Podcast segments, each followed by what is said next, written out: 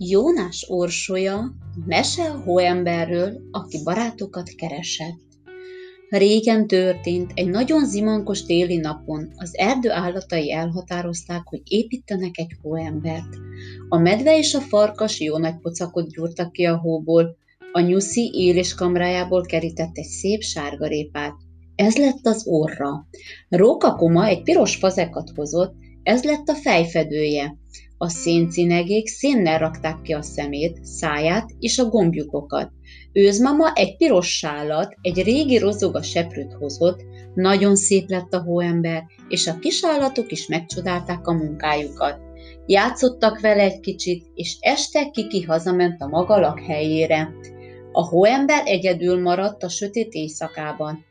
Nagyon busult, a holdfény rávilágított a hóemberre, és az hirtelen megelevenedett.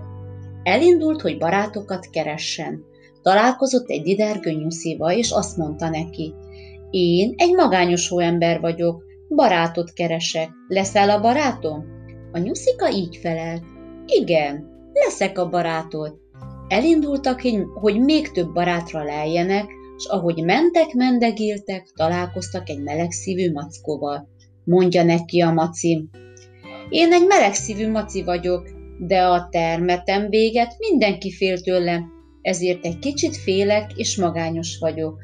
Ne szomorkodj, mondta a hóember, mi éppen új barátokat keresünk, gyere te is velünk. Most már hárman mentek tovább, s nem messze találkoztak egy kis kengurúval. Őt is a barátjukká fogadták. Mentek, mendegéltek, és elérkeztek egy fenyves erdőbe. Azt mondta a didergönyuszi, ha már a fenyvesbe vagyunk, játszunk egy jót. Jó, játszunk, helyeselték a többiek is. Hógolyoztak, fogocskáztak, bujocskáztak, jól mullattak.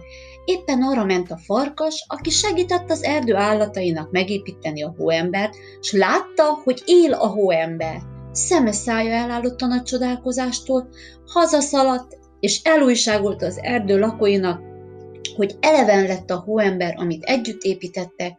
Szaladtak az állatok, és ők is játszani kezdtek a hóemberrel. Így történt, hogy tavaszig minden éjszaka eleven lett a hóember, és az állatok sokat mókáztak vele. Tavasszal aztán kisütött a napocska, és a hóember olvadni kezdett, míg végül teljesen elolvadt. A helyén csak a sálja, a piros fazék, a széndarabok, a seprű és egy fonnyat sárgarépa maradt. A kisállatok sajnálták és megsiratták a barátjukat, de a szívükben emléket állítottak a hóembernek, aki mindenkinek az igazi barátja volt.